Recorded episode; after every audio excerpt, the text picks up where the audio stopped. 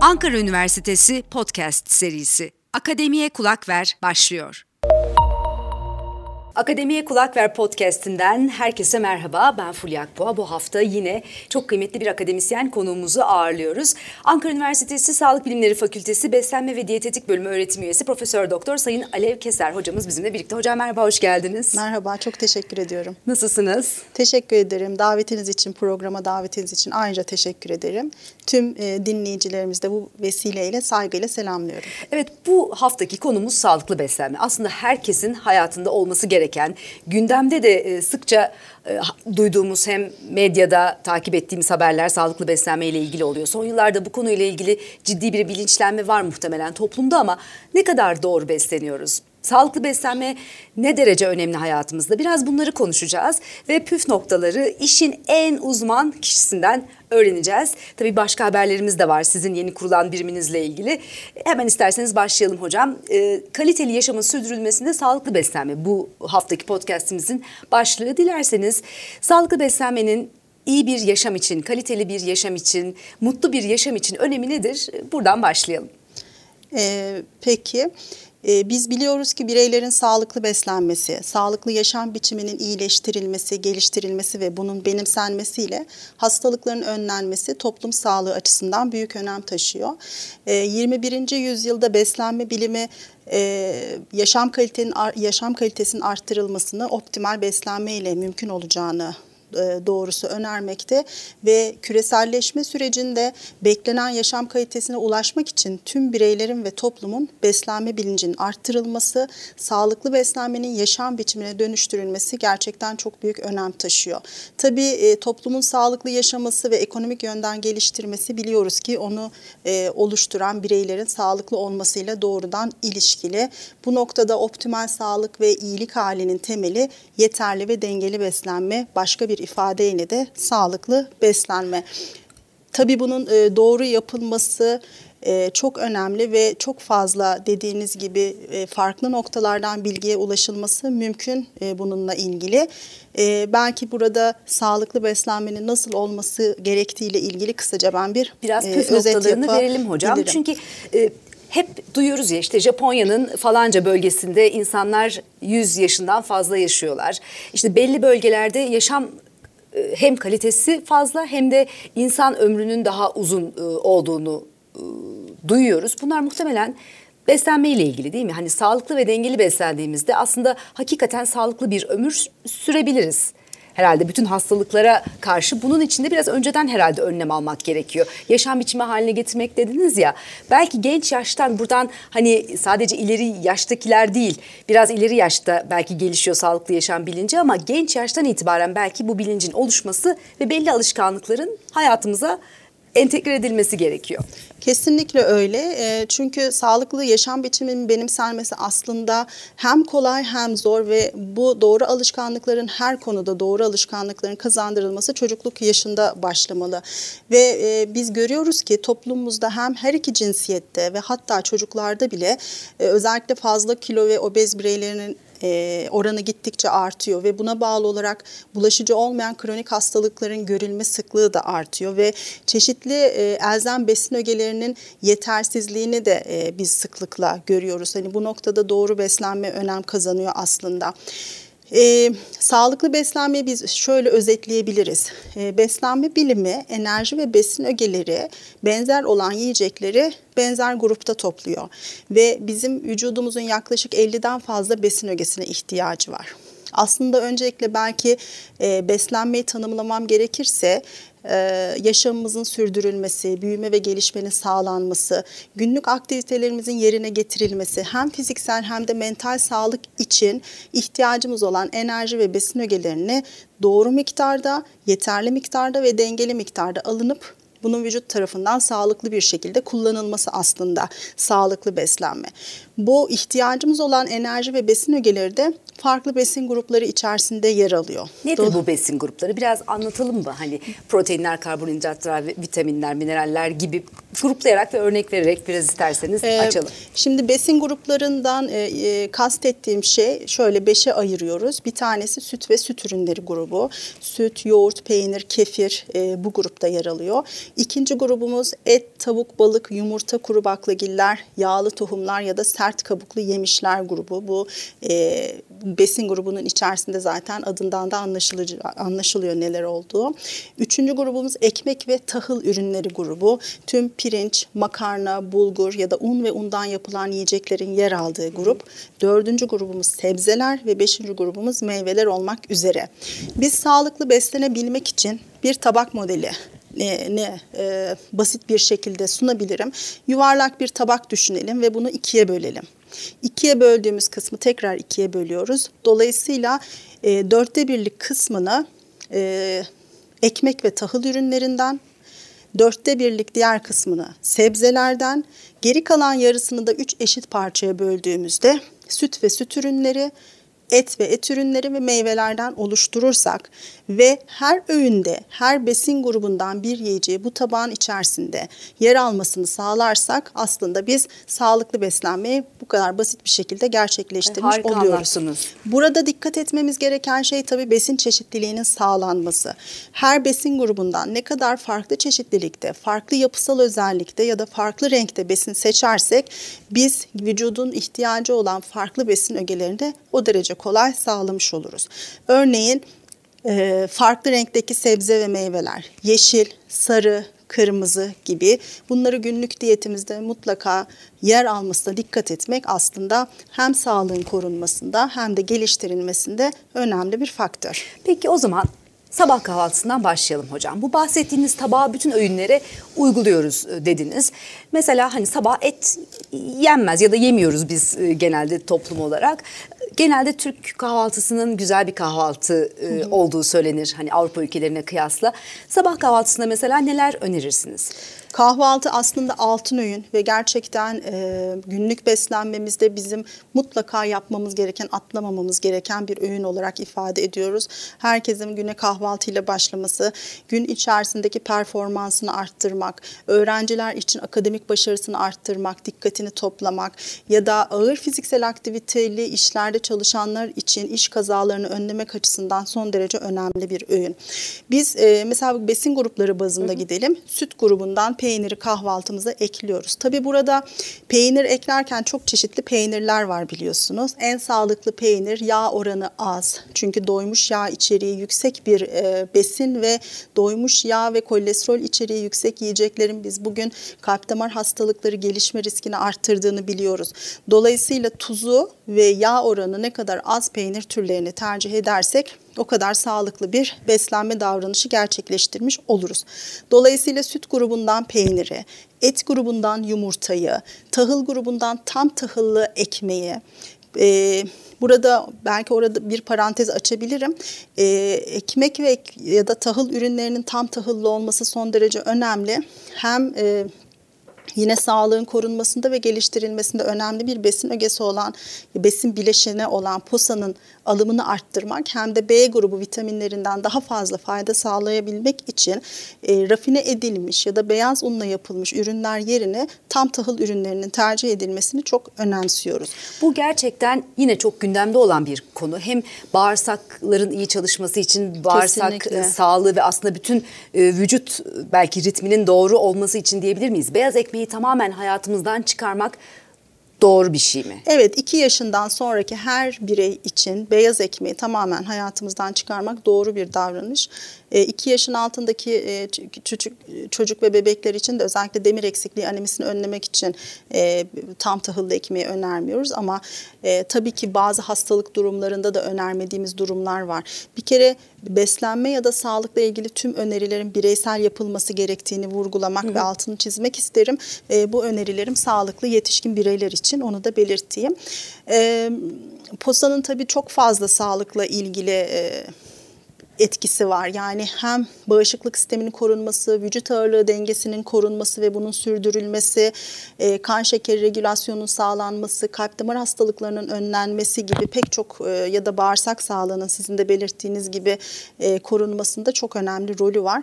Dolayısıyla yeterli miktarda posa almak çok önemli. Yani lifli gıdalardan mı Evet lifli gıdada nelerde posa var? Tam tahıl ürünlerinde, kuru baklagillerinde, e, sebze ve kabuklu tüketilebilen özellikle meyvelerde e, ya da e, fındık, badem, ceviz gibi yağlı tohumlarda biz e, posayı sağlayabiliriz. Yani her öğünde sebze tüketmek, ara öğünlerde meyve tüketmek, beyaz ekmek yerine tam tahıllı ekmek yemek, pirinç pilavını yerine bulgur pilavını tercih etmek gibi e, değişiklikler günlük posta gereksinimimizi karşılamamız için yeterli. Kahvaltı tabağına geri dönecek olursak biz e, peynirle süt grubunu, yumurtayla et grubunu karşılıyoruz e, tam tahıllı ekmekle tahıl grubunu karşılıyoruz.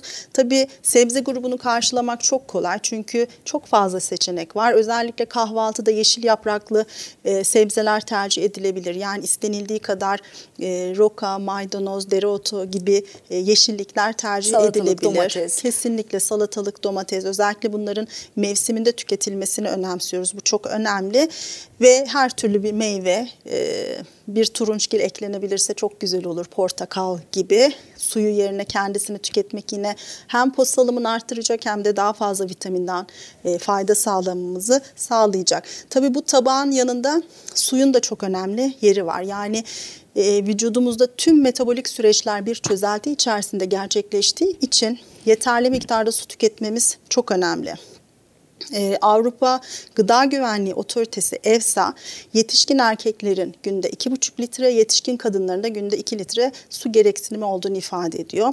Tabi bu miktar e, yaş, cinsiyet ve fiziksel aktivite durumuna göre değişebilir. Çünkü her e, 1 kilokalori enerji gereksinimimiz için e, 1 mililitre suya gereksinim var şeklinde hesaplanmış bir formül.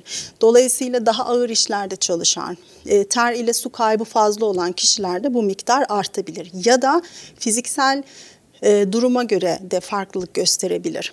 Örneğin e, gebe kadınlarda biz yaklaşık bu önerilere iki e, kadınlar için olan 2 litre önerisine bir buçuk su bardağını arttırıyoruz ya da emzikli annelerde de üç buçuk su bardağı kadar ek öneri istiyoruz. Burada tabii suyun nasıl karşılandığı da çok önemli. Yaklaşık e, 8-10 bardak suya denk geliyor. Biz bu e, suyun yaklaşık yüzde seksenini su ve içeceklerden karşılamalıyız. Bu da 8-10 bardak suya denk geliyor ve bu e, suyun da özellikle temiz ve işte e, içilebilir kıvamda ya da temiz olması gıda güvenliği ve gıda güvencesi açısından son derece önemli. pH dengesinden bahsediliyor ya Hı-hı. hocam. Bazıları suyun içine limon sıkarak daha kolay içme, Hı-hı. içilmesini e, sağladığını Hı-hı ifade ediyor. Bunlara katılıyor musunuz? Bir de bu her işte çay alışkanlığımız tabii toplum evet. olarak çok var. Çay kahve her çay kahve içtikten sonra bir de ekstra su için gibi öneriler duyuyoruz. Bunlar doğru mu? Şöyle bizim e, toplumumuzda çay ve kahve tüketimi gerçekten e, Avrupa'ya kıyasla yüksek. Bu da tabii bizim su tüketimimizi azaltan bir faktör. Ancak bunlarda diüretik etkiye sahip oldukları için tam tersine su ihtiyacımızı karşılamak yerine aslında vücudumuzdan suyun uzaklaştırılmasına sebep oluyor. O yüzden biz e, biraz önce ifade ettiğim gibi büyük ölçüde suyla bu gereksinimizi karşılamalıyız. Bu son derece önemli. Tabii bazı bireyler su içmekte zorlanabiliyorlar. O zaman ılık ya da soğuk tüketmelerinde ya da içerisine limon damlatarak ya da sirke damlatarak tüketmelerinde e, bir zarar Sakınca yok. Ancak bunu yaparken de e, ekstra bir fayda beklen, beklenmesin. Çünkü e, bu popüler diyetlerde özellikle suya limon sıkılmasının ya da e, sirke eklenmesinin, farklı bir şeylerin eklenmesinin yağ yakımını hızlandıracağı, e, vücut ağırlığının e, belki de hani daha kolay e, ideal vücut ağırlığının korunmasına katkı sağlayacağı gibi fikirler öne sürülebiliyor. Tabii limon, sirke gibi e, asit içeriği yüksek yiyecekler biraz da gastrointestinal sistem üzerindeki etkileri sebebiyle belki bağırsakları çalıştırmak gibi etkileriyle dolaylı olarak bir katkı sağlayabilir. Ancak hani e, ben e, sirkeli su içiyorum, limonlu su içiyorum ve zayıf kilo vermiyorum. Evet, yani yağ demesinler. tüketimimi evet hani daha hızlı yağ yakımını sağlıyorum gibi bir düşünceye ya da bir beklentiye girmesinler. Peki hocam şimdi sabah kahvaltısını anladık aşağı yukarı bizim normal yaptığımız gibi dengeli e, evet. bütün bu besin e, gruplarından öğelerin olduğu kahvaltı. Sonra e, şimdi şu noktada onu da sormak istiyorum. Son yıllarda yine popüler olan işte iki öğünle beslenme, günde tek öğün, işte aralıklı oruç. Değişik değişik e, uygulamalar duyuyoruz. Bir bunu öneriyor musunuz? E, ikincisi de sık sık azalsız beslenme de hani yine diyetisyenler tarafından özellikle önerilen bir yöntem. Bu mu daha sağlıklı? Sadece belli öğünlerde beslenmek mi daha sağlıklı yoksa kişiye özel mi bütün bunlar araştırılmalı ve herkesin bir diyetisyeni olmalı gibi bir yaklaşımda belki önerebilirsiniz? Şimdi hiçbir e, beslenme ile ilgili biz öneriyi genelleştiremeyiz. Çünkü her bireyin bir kere besin tercihleri, yaşam tarzı, güne başlama saati ve bugünü nasıl sürdürdüğü çok farklılık gösteriyor. Dolayısıyla e, evet belki bir birey için 3 ana 3 ara öğün mutlak suretle gerekliyken e, güne daha geç başlayan, kahvaltısını geç yapan bir birey için de 2 öğün ve ekstra da 2 ara öğünle biz gününü tamamlamasını sağlayabiliriz. Burada aslında tek bir diyet modelini sağlıklı dır demek yerine aslında bireye özgü bir sağlıklı beslenme modeli oluşturmak daha önemli ve kıymetli. Bir de bir diyetin ya da bir beslenme tedavisinin e, iyi olabilmesinin e, yolu yani iyi bir çok güzel dengeli bir diyet yazabilirsiniz ama birey bunu uygulayamaz, sürdüremez hiçbir anlamı yok. Aslında en iyi diyet ya da en iyi beslenme sürdürülebilirliği olabilen bir diyet ya da öğün planı Kesinlikle. diyeyim. Yani burada sürdürülebilirlik son derece önemli. Ee, vücudumuzun çok da e, istemediği, işte çok da şaşırtma, bazı durumlarda şaşırtmak iyi olmakla birlikte çok da yormamak, strese sokmamak gerekiyor. Yani e, biz aralıklı açlığı ya da az ve sık öğünü evet bireylere dayalı olarak farklı bireylerde farklı onların fiziksel durumuna, sağlık durumuna, vücut ağırlığı durumuna ya da ne kadar ağırlık kaybetmesini hedeflediğimiz durumlara göre önerebiliyoruz. Yani genel bir öneriden ziyade bireye özgü tedavi öneriyoruz. Evet. Şimdi isterseniz öğle yemeğinden ve akşam e, menüsünden de bahsedelim. Daha sonra Ankara Üniversitesi'nin çok önemli bir birimi açıldı. Özellikle e, halka yönelik de e, vatandaşlara da yönelik hizmet veren bir sağlıklı yaşam birimi. Ondan söz edeceğiz ama hem e, yapmak isteyenler için ara öğünlerden e, hem de öğle yemeği ve akşam yemeği menüsünden biraz bahsedelim hocam. Hem ara öğünlerde neler yemek lazım kan şekerimizin düşmemesi için daha uzun süre belki. Çünkü çok yoğun iş temposu olanlar var, öğrenciler, koşturanlar veya farklı saatlerde çalışanlar. Dolayısıyla bazen gerçekten o bahsettiğiniz dengeli tabağı yemeye fırsat bulamayabiliyorlar. İşte yanında belki sandviç e, hazırlaması gerekiyor e, filan. Bütün bunlar bağlamında dediğiniz gibi sürdürülebilir anlamda neler önerirsiniz? Ee, aslında bu hızlı yaşam temposu gerçekten insanların sağlıklı besine ulaşmasında zorluklara sebep olabiliyor. O nedenle hazırlıklı olmak, plan yapmak, bazen de akşamdan bir e, ara öğün seçenekleri hazırlamak önemli. Ama e, bu tabii hızlı yaşam temposu marketlerden hazır paketlenmiş e, yağ, şeker, tuz, doymuş yağ ya da kolesterol içeriği yüksek. Tam tersi posa içeriği, vitamin ve mineral içeriği e, düşük yiyecek lere erişim riskini arttırıyor. Ne yapabiliriz? Bir kere meyve çok iyi bir seçenek ara öğün için ve her mevsimin kendisine özgü meyveleri var. Mevsim meyvelerinden seçilebilir. Yanında tabii süt grubunun olması, yoğurt, ayran, kefir, ne seviliyorsa e, meyveyle birlikte tüketilmesi biraz daha doygunluk süresini Hı. uzatıp e, özellikle akşam yemeğinin daha kontrollü tüketilmesine sebep olabilir. Yine kuru yemişler çok iyi bir seçenek. Ee, yine tam tahıllı ekmekten hazırlanmış e, beyaz peynirli, bol yeşillikli ya da içerse farklı sebzelerin olduğu sandviçler iyi bir seçenek olabilir. E, bazen de tabii hani e, ara sıra yağı çok yüksek olmayan ya da şeker içeriği çok yüksek olmayan bisküviler, krekerler de zaman zaman tercih edilebilir. Evet, e, peki öğle yemeğine geldik. Genel anlamda yine öğle yemeğinde dediğiniz gibi dengeli bir tabak oluşturmaya çalışıyoruz ama bunu yapamadığımız zamanlarda nasıl dengeyi belki tutturabiliriz? Öğlen fazla kaçırdıysak akşam onu dengeleyebilir miyiz veya ertesi gün bununla ilgili bir şeyler yapabilir miyiz? Tabii ki dengelemek mümkün. Hem besin tüketimini azaltarak ya da e, doğru besin gruplarını seçerek bu mümkün ya da e, gün içerisinde fiziksel aktivite düzeyini arttırarak bu mümkün. Tabii ki bu e, sağlıklı beslenmeye mutlaka aktif bir yaşamın eklenmesi de son derece önemli. Yani sağlığın korunmasında ve geliştirilmesinde sadece yeterli ve dengeli beslenme değil, yeterli düzeyde fiziksel aktivite yapmak da önemli. Günde 30 dakika tempolu yürüyüş ya da haftada 150 dakika toplam e, aktivite yapmak aslında e, nasıl söyleyeyim sağlıklı yaşamın sürdürülmesinde yeterli. Özellikle Biz, kilo vermek de istiyorsa tabii kişi değil mi? Kesinlikle, kesinlikle. Zaten kilo vermekteki e, temel nokta şu, aldığımız enerjinin harcadığımız enerjiden daha düşük olmasıyla yani vücutta bir enerji açığı yaratmak suretiyle ağırlık kaybı sağlayabiliriz.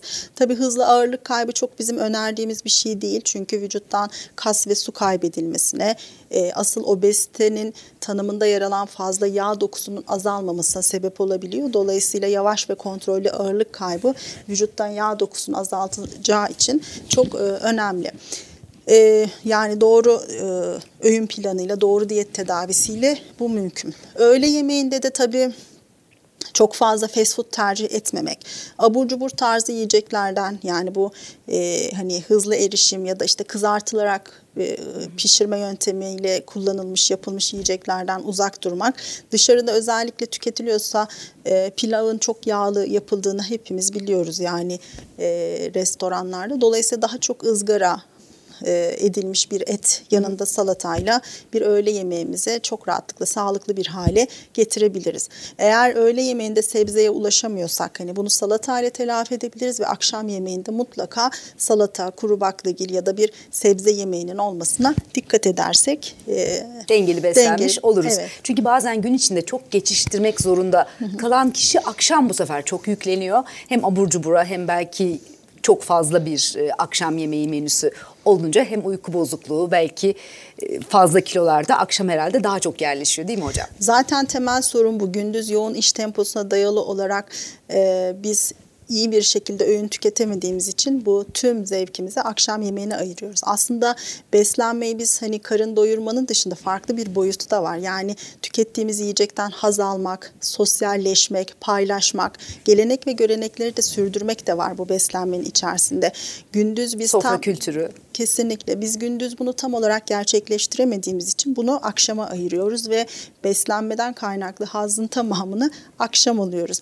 Dolayısıyla hem çok geç saatte yemek yememek lazım. Yani uykudan önce 3-4 saat önce yemek yemeyi sonlandırmak aslında çok önemli ve kıymetli.